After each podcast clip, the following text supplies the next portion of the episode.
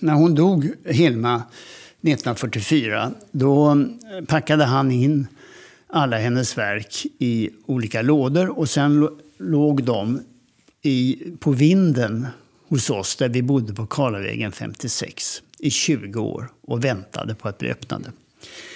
Och inte nog med det, det var under ett plåttak. Så att på somrarna var det ju plus 40 grader där. Och på vintern var det minus 15. Och att de här målningarna överhuvudtaget existerar är ett mirakel.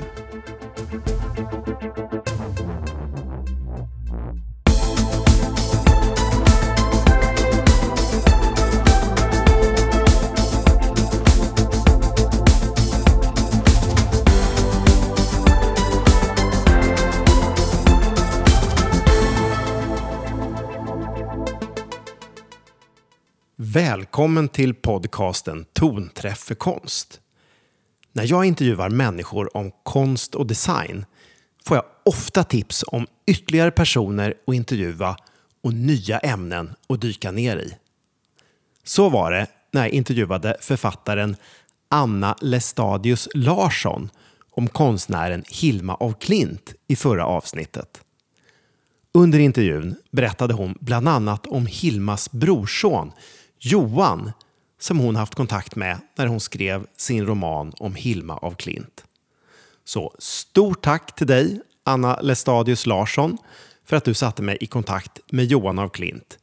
Och nu beger vi oss hem till honom och får lära oss mer om Hilma av Klint, hennes konst och hur konstverken har tagit sig från att ligga i några lådor på familjens vind till att numera ställas ut runt om i världen. Jag heter alltså Johan af Klint och Hilma var min farfars syster. Hon föddes 1862 och dog 1944.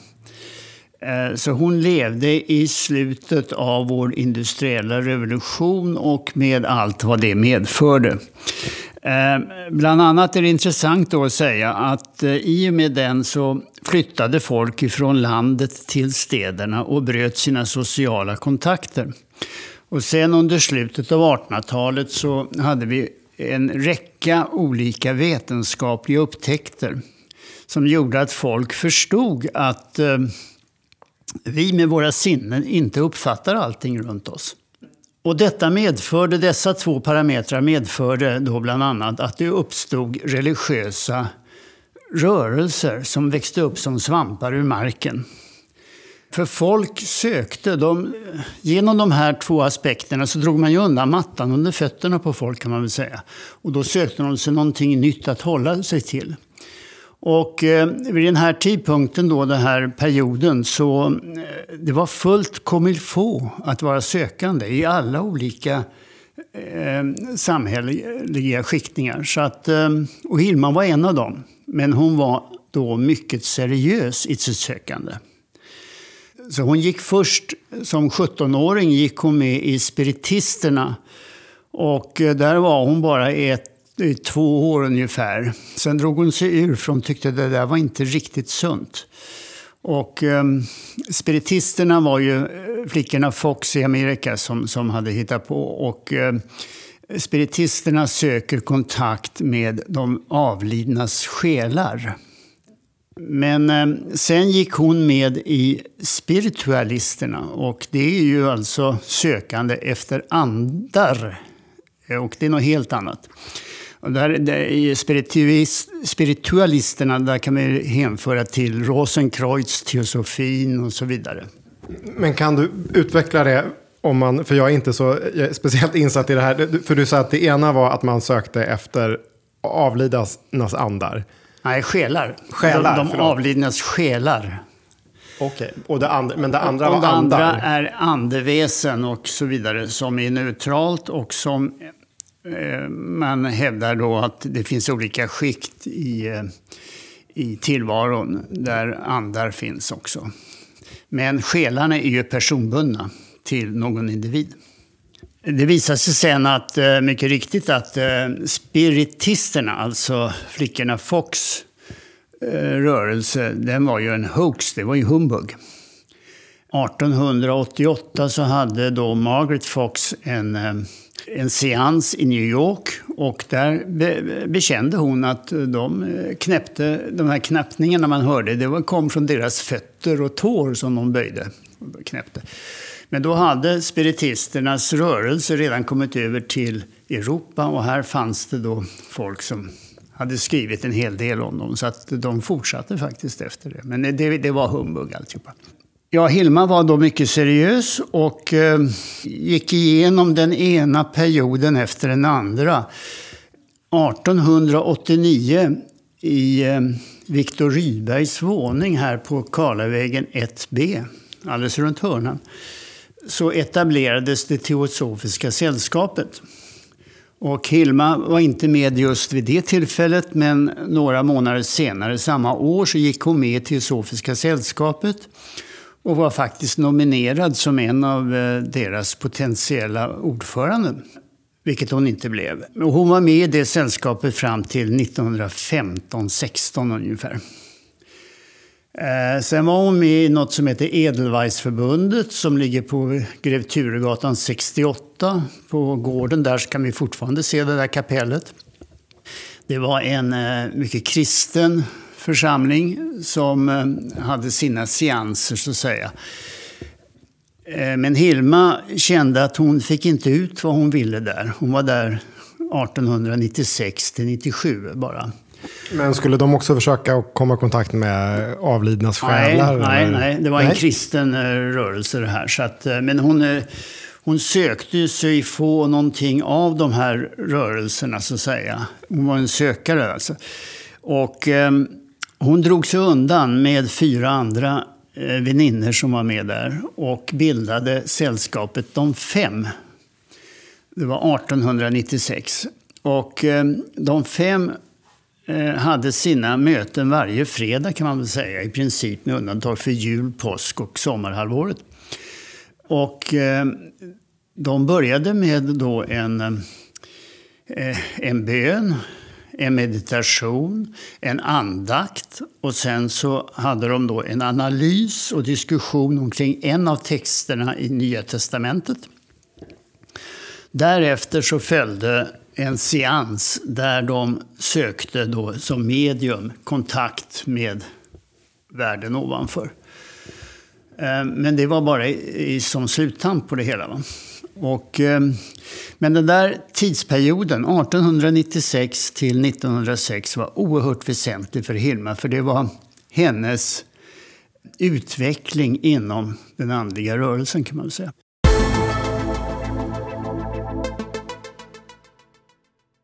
Sen 1904 så fick hon kontakt med en av de här andarna som hette Ananda. Ananda, bara för din information, är eh, Buddhas favoritlärjunge. Hette Ananda. Och eh, eh, han meddelade Hilma att vi kommer att bygga upp någonting av ett nytt tempel, så att säga. Och det var egentligen bara ett meddelande. Eh, sen 1901 år senare så kommer Amaliel, en annan hög ande då, och eh, frågar henne om hon vill vara med och måla för det här templet. Och hon, enligt hennes egna noteringar så säger hon ja omedelbart och ehm, eh, går in för detta. Och då påföljer en period på nästan ett år av rening hos henne personligen. Hon går igenom en depression, eller vad man kan kalla det för, och renas och kommer ut och är redo för att måla. Men, men hur menar du renas? Om du utvecklar det lite till. Ja, hon går igenom alltså. Hon, eh, ja, hon måste äta vegetabiliskt, eh, sköta sig på olika sätt. Och som person så, du kan ju tänka alkemin. Alkemin går ju till så att du, du har en, eh, du förstör en materia och eh, värmer upp den och den blir en ny materia och så blir det någonting nytt. Det är tre faser. Eh, och Hilma gick igenom precis eh, mentalt de där tre faserna och kom ut som, ja hon själv kallar sig för asket, men eh, en ren människa. Då. Och då började hon eh, måla och eh, målar då och ett och ett halvt år 111 verk. Och i april 1908 så avslutar hon den serien. Och sen följer en fyraårig period när hon inte gör, målar någonting. Eh, först måste hon vila upp sig för att, eh, som jag sa tidigare, så var det ju det här betyder ju, eh, hon målar en, en målning var, var tredje dag. Så det är oerhört mycket. Och så börjar hon studera västerländsk filosofi, Blavatsky och så vidare. För hon har nu fått ett stort frågetecken inombords, nämligen vad är det jag har målat? Vad betyder det här? Och det är, hela hennes liv framgent kommer att gå ut på att få svar på den frågeställningen. Eh, sen 1912 så börjar hon måla igen och fram till fem, slutet av 1915 och då gör hon ytterligare 82 verk. Så de här tillsammans, 193 verken, det är de så kallade målningarna till templet. Till ett framtida tempel. Sen eh, 1916 till 20 så målar Hilma sen ganska fristående och analytiskt. Hon är ju en person som är väl utbildad, inte bara inom konsten utan även eh, vetenskapligt så att säga. Så hon går igenom allt ifrån organisationer ner till växter, djur, atomer, stenar och så vidare. Och gör upp vissa serier där hon försöker analysera de här och finna ut var befinner de sig på energinivån eller den andliga nivån. Då. Och vissa av de här är alldeles fantastiska, de här serierna. Sen eh, dör då mamman 1920 och eh, hon har ju varit blind senaste, sen 1908 så att eh, Hilma har ju tagit hand om henne. Och varit lite begränsad i sin, eh, att kunna resa och så vidare på grund av detta. Men nu blir hon helt fri och då åker hon bland annat till Dornach, till Goetheanum i, i Schweiz. Eh, för att se på antroposofernas högborg där. Och eh, bakgrunden till det är ju alltså att två saker. För det första så vill hon få kontakt med Goethes färglära. Rudolf Steiner har spenderat sju år dessförinnan och omredigerat eh, Goethes färglära och det vill hon läsa och få tillgång till. Vem var då Rudolf Steiner? Jo, han var österrikare och grundade både antroposofin och Waldorfpedagogiken. Och det andra är ju naturligtvis att hon ville få tillgång till arkiven i Goetheanum för att se om hon kan finna svaret på sitt stora frågetecken om sina verk. Och sen var hon intresserad av att träffa Rudolf Steiner personligen och läsa sen om antroposofin. Eh, så det fanns olika skäl varför hon åkte dit. Och där var hon sen under ett par år fram till 1930 eh, till och från. Och sen efter det så, eh, ja, Eh, så levde hon på Munsö i Sverige i princip och målade sina verk. Men det intressanta är då det att eh, 1921 så målar Hilma inte något verk officiellt. Utan hon läser framförallt Goethes färglära och studerar den intensivt. Och 1922 så kommer hon fram med de eh, nya målningarna som är flytande färger eller vått, eh, vått i där färgerna flyter ut. Och eh, det är ju eh, samma typ av målningssätt som antroposoferna har, men det var bara det att Hilma hade utveck- vidareutvecklat det hela. Och eh, jag använde bland annat färgen svart, vilket är portförbjudet hos antroposofen att använda. Så att eh, hon, hela tiden, hela sitt liv så har hon varit en nyskapare av olika aspekter. Ja, detta med detta. Då ska vi se, vad, vad är storheten med Hilma då, kan man fråga sig.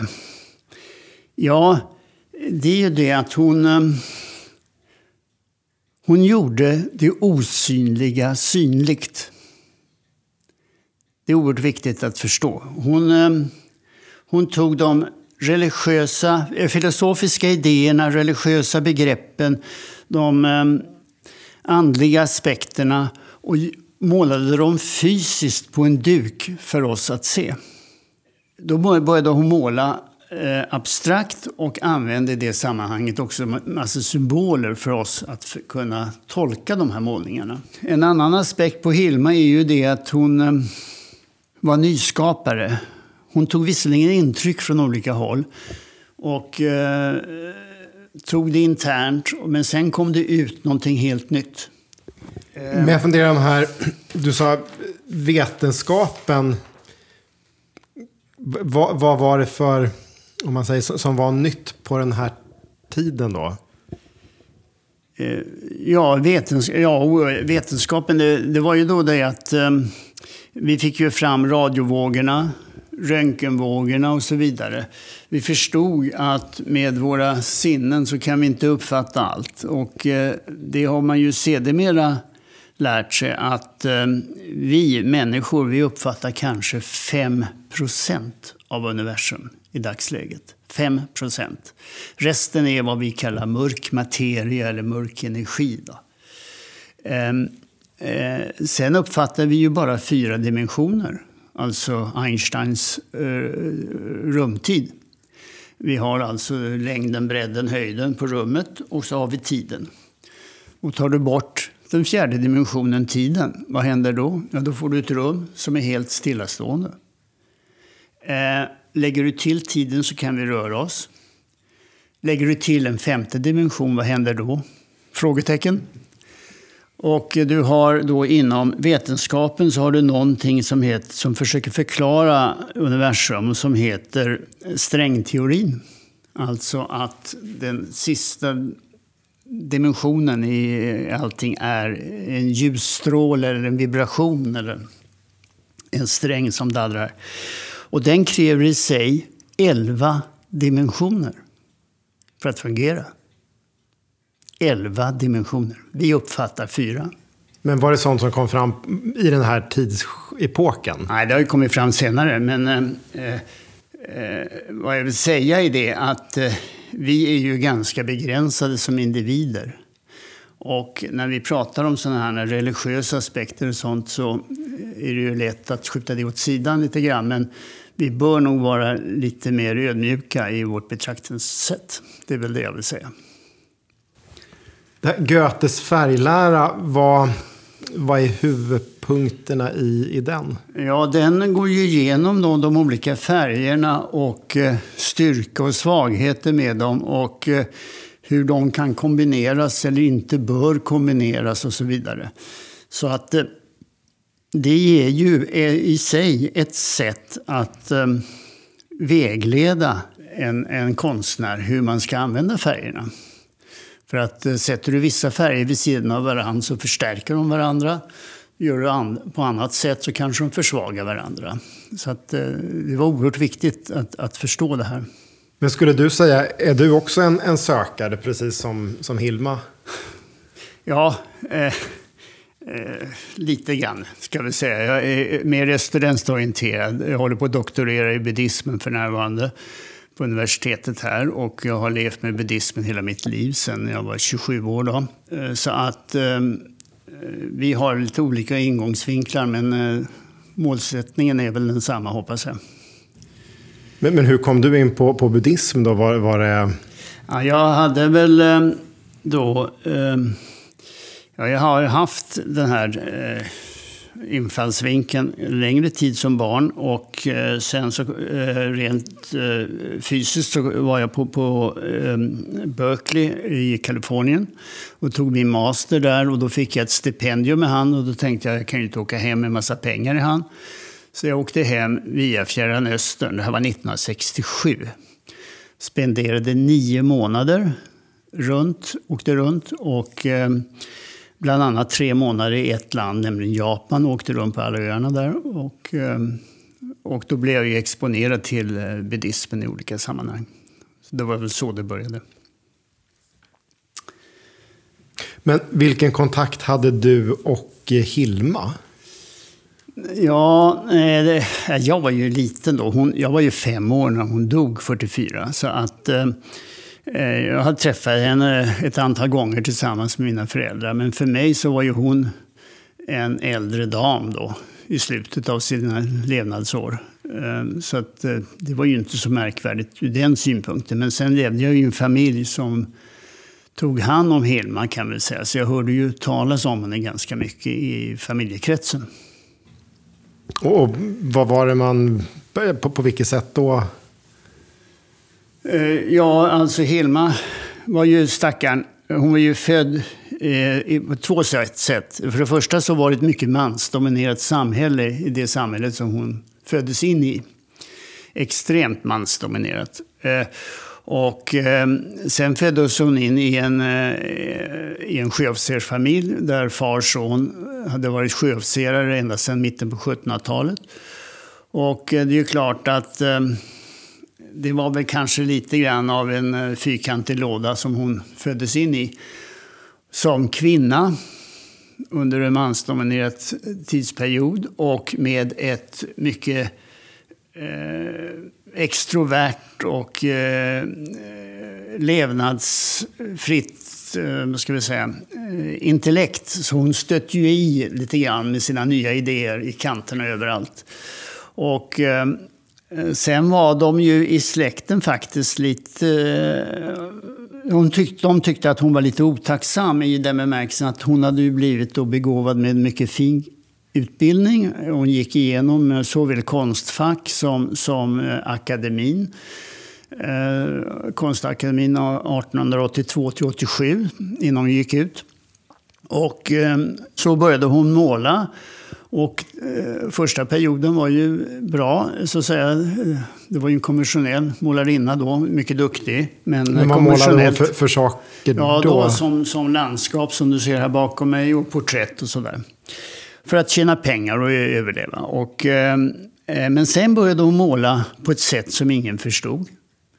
Och till råga på allt, så småningom, så fick ingen se de där målningarna heller. För hon höll dem för sig själv. Så att eh, de var lite sura på henne helt enkelt. Men var inte det ganska förståeligt då, att de satt och målade, målade och ingen fick titta på det? Ja.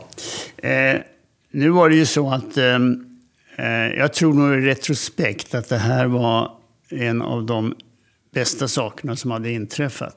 Att hon inte visade det här för, för extern part, utan bara för några få eh, utvalda. Eh, och att hon sen Eh, efter sin död sa att de inte fick visas på 20 år efter hennes död, bortgång. Det var nog ganska förståndigt därför att eh, vi har ju då som sagt var ett mycket extremt eh, mansdominerat samhälle här.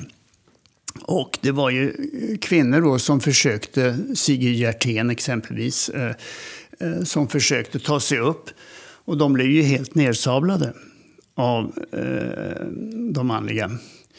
Och eh, hade Hilma nu försökt, hon ställde ju ut på olika utställningar eh, i Norrköping 1910, i eh, Malmö 1914, Baltiska utställningen tillsammans med Kandinsky och så vidare. Hade hon försökt att ställa ut sina abstrakta konstverk så hade hon antagligen blivit nedsablad också. Och då hade hon väl i desperation bränt upp allting.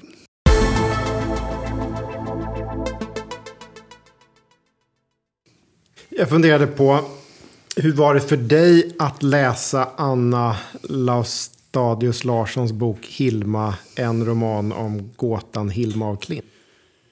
Jo, eh, ja, den var, tycker jag, välskriven och trevligt skriven. Eh, Anna och jag hade ju då lite kontakter för att jag ville säkerställa att, eh, att faktauppgifterna var riktiga bakom boken. Eh, vilket de var med ett, ett ordentligt undantag och det var ju att eh, Anna Kassel och Hilma var vänner in i det sista. Det var inte det där uppbrottet som, som står skrivet. Men det var ju en roman det här så att det, det fick hon ju väl skriva. Men annars tycker jag det var en mycket trevligt skriven bok. Men tycker du att Hilma var utsatt för humbug?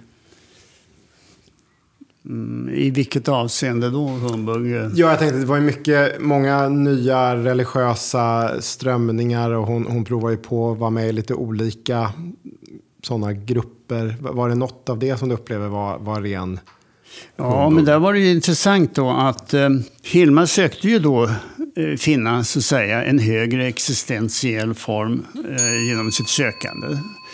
Eh, och gick igenom olika eh, inriktningar då som växte upp vid den här tidpunkten. Och vissa var ju då eh, inte så seriösa som vi vet. Men det viktiga med Hillman var ju att hon hade ju själv en mycket seriös inställning. Så hon fattade ju sina egna beslut. Och, så jag tror inte att hon var kanske påverkad vissa gånger. Men då sa hon ju att det här är inte riktigt, så hon gick ur. Och det hände ju vid ett antal tillfällen. Så att eh, med hennes abstrakta målningar som hon började då måla 1906, de är baserade framför allt på Rosenkreutz, teosofin och kristendomen. De tre. Och eh, det går fram ända fram till 1921. Sen började hon läsa så småningom antroposofin ordentligt. Och det gjorde hon då med bravur också då sen 1925 framåt kan man väl säga. Vi har eh, hennes, ehm, all hennes antroposofiska litteratur är ju donerad till Lunds universitetsbibliotek och till stadsbiblioteket i Lund. Och från de listorna så framgår det med klarhet att, att eh, hon läste mycket antroposofisk litteratur från 1922 framåt. Men vad i de här bilderna är det som är ja, påverkat av eh, de här eh, livsåskådningarna? Ja, eh, oh ja. Jag menar, hennes abstrakta verk är ju nedpudrade med olika symboler. Eh, och du har ju rosen där som kommer tillbaka. Eh, ett av korsen som de använde i, sina, i fredagsgruppen hade ju då en ros inne i själva korsstrukturen. Hon själv bar på ett halsband med ett kors med en ros i mitten. Och eh, ja, sen har du eh, ett antal olika symboler i det här. När jag kom in, alltså eh, för att gå till historien då bakåt här, så eh, hade vi de här, pappa, när hon dog, Hilma, 1944, då eh, packade han in alla hennes verk i olika lådor och sen låg de i, på vinden hos oss där vi bodde på Karlavägen 56 i 20 år och väntade på att bli öppnade. Och inte nog med det, det var under ett plåttak. Så att på somrarna var det ju plus 40 grader där och på vintern var det minus 15. Och att de här målningarna överhuvudtaget existerar är ett mirakel. Sen skulle jag då åka till Berkeley och fortsätta mina studier där som jag sa 1966. Och då hade jag lite tid över och då sa jag till pappa som var just nyligen pensionär då att eh, nu har ju 20 år gått så varför tar vi inte ner de här lådorna och fotograferar dem så att eh, man kan visa dem för tredje part lite mer. Eh, och det var ju diapositiv som gällde på den tiden. Men hade han glömt bort dem lite då? Nej då, nej då. Utan då eh, tog vi ner lådorna och, eh, och fotograferade dem och det tog ju sin tid. Och det var en alldeles fantastisk upplevelse. Alltså ingen av oss visste någonting. Och ingen kunde någonting. Men att se den ena målningen efter den andra rullas upp framför ögonen på det var, det var helt fantastiskt. Och vad och, kände du då när ja, du såg dem? det vet jag inte. Jag kan inte beskriva vad jag kände. Men pappa insåg att det fanns då uppenbarligen en relation mellan Hilma och mig. Så han testamenterade allting till mig. För den händelse det skulle hända honom någonting innan vi fick rätt sida på allt. Och sen försökte han då, eh, med, gick med de här lådorna med diapositiv och försökte beskriva Hilmas verk och hitta någonstans och placera dem. Och lyckades inte. Liksom Hilma inte lyckades, lyckades inte han. Och var gick han runt och vilka pratade han med? Ja, det var ju bland annat, som du vet, mycket väl vet, att Moderna Museet var involverat som en av dem då. Men det är det oväsentligt egentligen. Eh, vad, eh, Eh, det viktiga var då att när vi förstod att det inte skulle eh, att det var svårt att placera de här. För att de här verken, ja, det är 1200 målningar. 1200 målningar. Och det är böcker på över 26 000 sidor. Handskrivna, sirligt handskrivna böcker. Eh, där hon går igenom Hilma allt, eh, ja, den religiösa bakgrunden, pratar om verken, om sig själv och så vidare. Och eh, gör även små böcker som hon kan ta med sig på sina resor och visa. Eh, gör miniatyrer av alltihopa. Ja, det här var ju ett stort verk att placera så jag förstår att folk tänkte sig för innan de mottog det här. Så att eh, vi lyckades inte och då sa vi det, nu måste vi ha då en legal säkerhetsram runt det hela. Så vi bildade en stiftelse, Hilma af Klints verk. Och eh, där la vi ner, 1972 la vi ner all, allting i den. Och sen var ju då pappa då naturligtvis från början ordförande i den där stiftelsen. Och eh, sen kom min bror, äldre bror, och var ordförande. Jag var ute och eh, gjorde min karriär eh, internationellt, så jag var inte hemma. Sen kom jag hem så småningom och så dog min bror och då hoppade jag in och tog över. Och... Eh, jag satte omedelbart upp då tre krav egentligen. Att, eh, för det första så måste det röjas upp omkring stiftelsen, alltså den när, närmiljön omkring själva stiftelsen. Sen eh, måste Hilma komma ut ordentligt i eh, internationell eh, publik så att säga. Och sen måste den vetenskapen, den vetenskapliga forskningen omkring Hilma och hennes tid och hennes verk påbörjas ordentligt. Men vad menar du det första röja upp kring? Ja, det, det var väl... Ehm, ja, ja, eh, jag ska inte gå in i detaljerna på det där egentligen, men, men det är... Ehm, det var en miljö som inte var riktigt bra runt stiftelsen på den tiden och då eh, så har vi klarat av den saken. Och eh, eh, sen så kom då så småningom det Moderna Museet och ville ha sin utställning. Och då pratade jag bland annat med Daniel Birnbaum på den tiden och sa till honom att okej, okay, du får utställningen på tre villkor. Ett, det får inte bara vara en utställning i Stockholm utan det måste vara en utställning som vandrar runt i Europa och helst kanske också Amerika under två år. För att Hilma måste ut i publikum. Och eh, mycket riktigt, det var en utställning som vandrade i två år i Europa och över en miljon människor såg henne. Eh, det andra kravet jag hade var att allting måste fotograferas och digitaliseras så vi kan bygga upp en forskningsdatabas. Och eh, det är väl gjort eh, mycket av det. Och sen så, det tredje var att på den tiden så var det bara nu pratar jag alltså då 2012, 2013 öppnade utställningen. På den tiden så var det ju bara egentligen konsthistoriker som hade sett Hilma. Så alla kommentarer runt det här var ju konsthistoriker.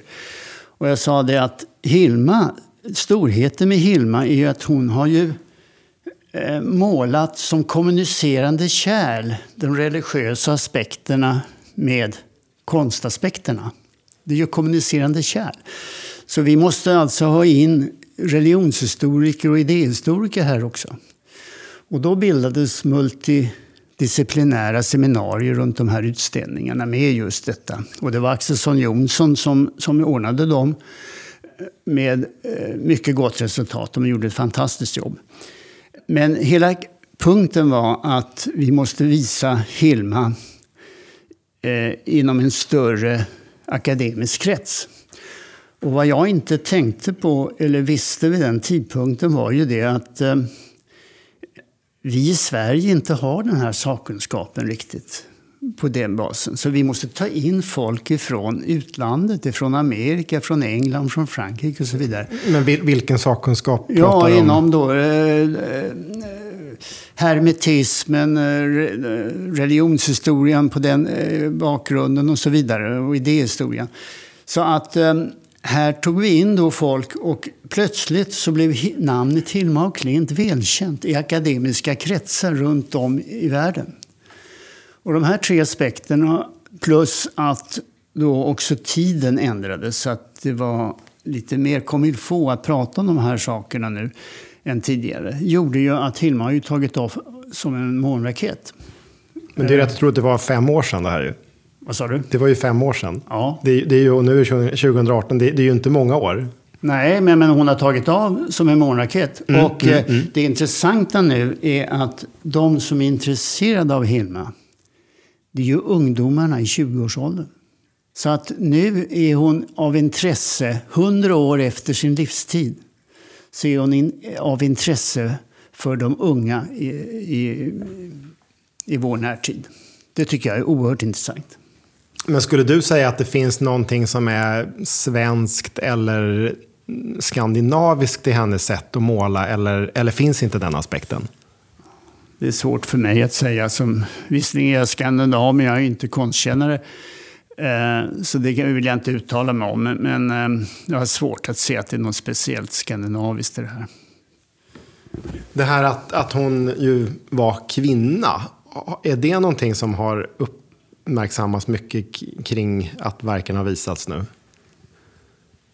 Ja, eh, det är ju... Eh, det är ju många kvinnor som inte har kommit, eh, ja, som har fått uppmärksamhet och sen så har de förtvinat liksom på grund av att de är kvinnor.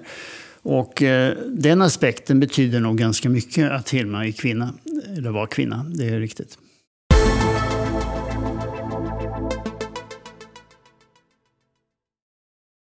Eh, men jag vill säga då det att eh, eh jag hade då eh, olika målsättningar nu som vi skulle gå igenom. Och en var att hon skulle synas och det håller vi på med verkligen. Hon går genomgår nu en Eriksgata utan all like.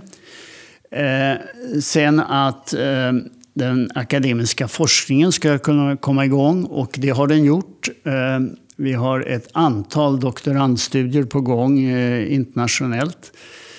Ehm, och det skrivs en bok nu om Hilma, en biografi om Hilma som kommer bli ut inom ett år. Som blir boken med stort B om Hilma. Eh, gjord av Julia Foss som var före detta då vice kulturchef på Frankfurt Allgemeine Zeitung. Och hon hoppade av och ägnar sig enbart åt Hilma. Det är alldeles fantastiskt. Men vad har haft störst betydelse för att just liksom kommunicera ut hennes konst? Eh, alltså som eh, du förstår så, eh, jag är ju på äldre dagar nu religionshistoriker. Och eh, för mig så är det oerhört intressant att se de här kommunicerande kärlet som jag pratade om, alltså mellan de religiösa idéerna och hur de tar sig uttryck i Hilmas konstverk. Alltså utan att sätta sig in i båda aspekterna så kan man inte tolka hennes målningar. Det, och eh, det tycker jag är en oerhört eh, intressant observation. Sen nämnde du ju ehm, att att Moderna Museet, att ni precis har eh, fått igång eh, någonting väldigt bra. Ja. Eh,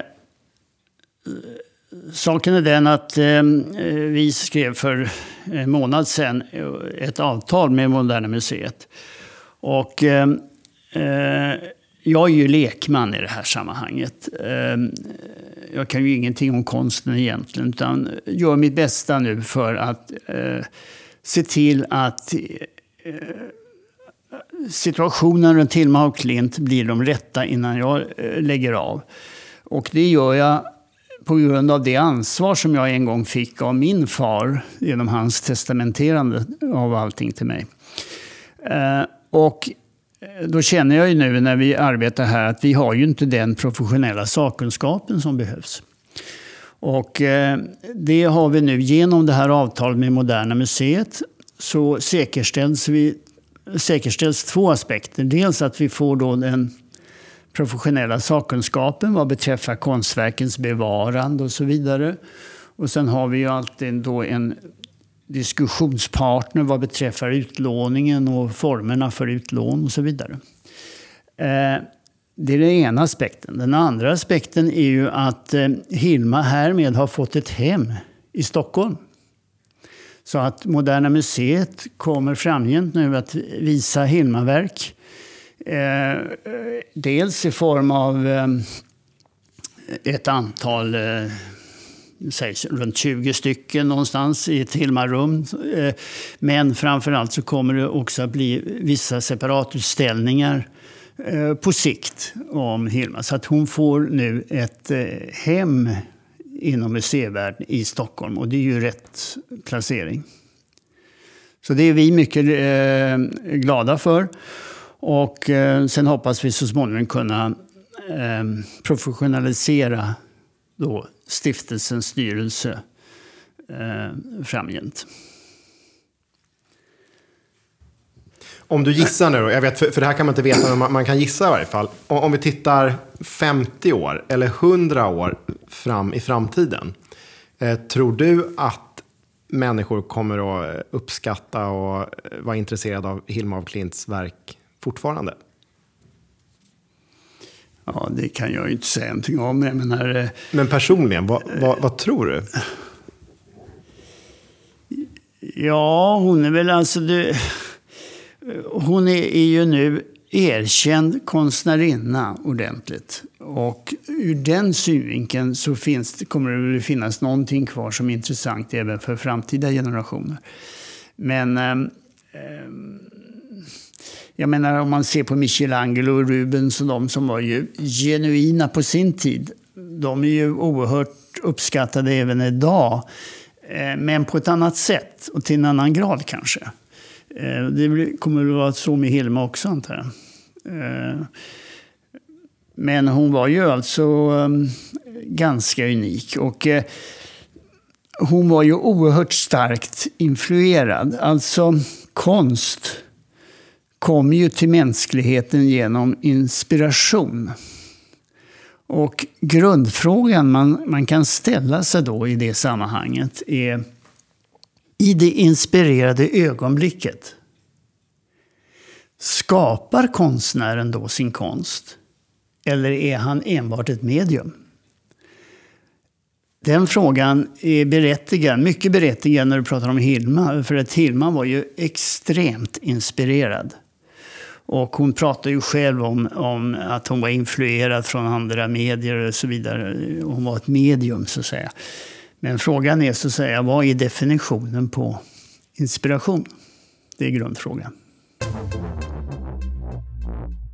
De fem var en grupp kvinnor som hade andliga intressen. Hilma var en av deltagarna i gruppen. De, de fem vilken betydelse skulle du säga att, att den sammanslutningen fick för Hilmas eh, konst? Oh, de, de var oerhört... Eh, eh, alltså den, den, här perioden, 1896 till 1906, när de fem var verksamma. De finns alltså dokumenterade. Det finns böcker eh, då, om de fem. Varenda sammanträde var dokumenterat och så vidare.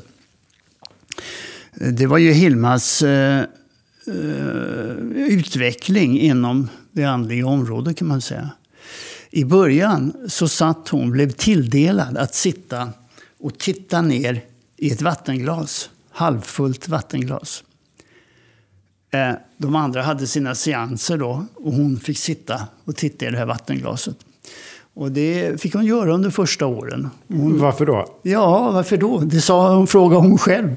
Varför ska jag sitta och titta ner i ett vattenglas? Nej, men det verkar ju rätt dumt. Ja, men det, det var för att liksom eh, uppöva hennes, eh, vad ska vi säga, eh, ja, nu tappar jag ordet här, eh, koncentrationsförmåga. Då. Eh, och det blev sen mycket viktigt för henne senare i livet. Eh, sen kom hon ju med i den här gruppen då. Eh, eh och blev mer aktiv så småningom. Från 1903 och 4 framåt så var hon mycket aktiv de sista åren. Eh, den här gruppen eh, de sista böckerna finns då från 1907 faktiskt. Eh, sen har vi målningar som kommer. Alltså de gjorde ju då de här spiritistiska teckningarna. Eh, de var dels ett medium vokalt men också började sen eh, rita automatiska teckningar under de här seanserna. Och sen 1908, alltså efter då att de hade egentligen upphört, så träffades de uppenbarligen igen och gjorde vissa eh, automatiska teckningar som också blev färglärda, eh, färg, färglagda. Och eh, de finns också nu i, eh, i arkivet. Eh, så att, ehm, eh, och det här var ju 30 år innan eh, var det surrealisterna, eller vad de nu hette, som, som eh, kom med, med de här automatiska teckningarna. Så de var ju före sin tid där. Jag tänkte en grej som jag kände själv, det är kanske att jag är totalt obildad. det här Goetheanum. Ja. För det, skulle du kunna beskriva lite vad, vad är det för någonting? Alltså, Eller vad var det för någonting? Ja, eh, Rudolf Steiner han började ju alltså som kurator för Goethesamlingarna. Ehm, eh, så att han var mycket påläst om Goethe och hans tid och så vidare. Eh, sen 1902 så blev han då chef för Teosofiska samfundet i Tyskland. Och eh, förblev så fram till årsskiftet 1912-13 när de separerade under dramatiska omständigheter. Och så bildade han då i Stuttgart 1913 sedan bildade han eh, Antroposofiska sällskapet. Eh, och Antroposofiska sällskapets högborg grundade han i Dornach. Och det kom att heta Goetheanum. Och Goetheanum var som första stora tempelområde med den och då måste du komma ihåg att Rudolf Steiner han omspann ett antal olika fakulteter. Så att eh, han eh, också hittade nya former för arkitekturen och, och så vidare. Och Götianum var ju ett exempel på detta. Eh, och det var en träbyggnad och den brann ner tyvärr då 1924. Och sen byggdes den upp igen eh, 25-26 och då dog under mellantiden Rudolf Steiner. Men eh, den byggdes upp i, i betong så att säga så att den inte skulle brinna igen. Eh, när den här brann ner då var, eh, kom Hilma till, till Dornach också och då sa hon till Rudolf Steiner, veta hennes möte med honom, att jag förstår att du ska bygga upp ditt tempel. Låt oss göra det tillsammans. Du bygger templet och jag har målningarna. Men eh, det blev inte som hon hade tänkt sig. Upplever du att det finns ett intresse från eh, teosofer och antroposofer idag för Hilma af Klints konstverk? Ja, eh, det gör det definitivt. Jag ska på söndag nu hålla ett föredrag i Teosofiska samfundet här på Karlavplan.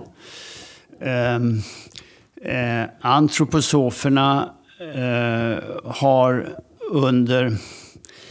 Eh, ja, sen eh, Hilma dog så har de varit eh, min far behjälplig i olika sammanhang. Alltså individer som sen visade sig vara antroposofer. Mm.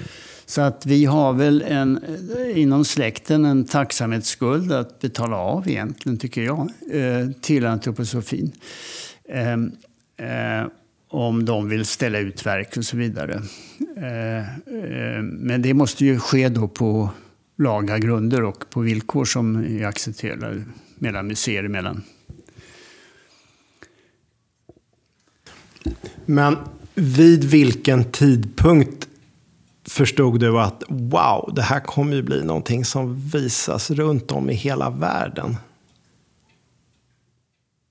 Ja, eh, frågan har flera digniteter. Eh, men första gången som jag sa wow, det var ju då 1966 när vi, pappa och jag, fotograferade alltihopa och drog upp den ena målningen efter den andra. Jag förstod inte vad det var, men att det var någonting fantastiskt, det förstod jag som lekman. Ehm, eh, sen har ju då Eh, Iris Müller Westerman gjorde ett fantastiskt jobb inom eh, Moderna Museet när hon gjorde sin utställning då 2013.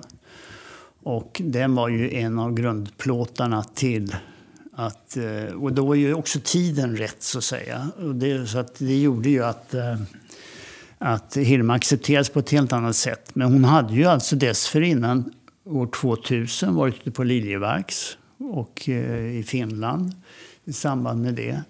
Men då var väl kanske tiden inte rätt riktigt. Eh, så att, eh, men nu är den rätt. Men vad är, det som är så, vad är det som funkar så bra med vår tid och, och Hilma af Klints verk?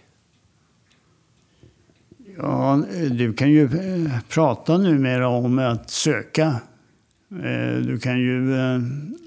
ju förut var det ju ett tabu, liksom, eh, det här med sökandet och det var lite flummigt och så vidare. Men eh, det behöver det ju inte vara och det är väl en större acceptans i dagens samhälle på de aspekterna. Och det gör ju det att Hilma får ett helt annat flyt när hon visas. Mm. Ja, men jättespännande. Ja. Tack så mycket. Tack!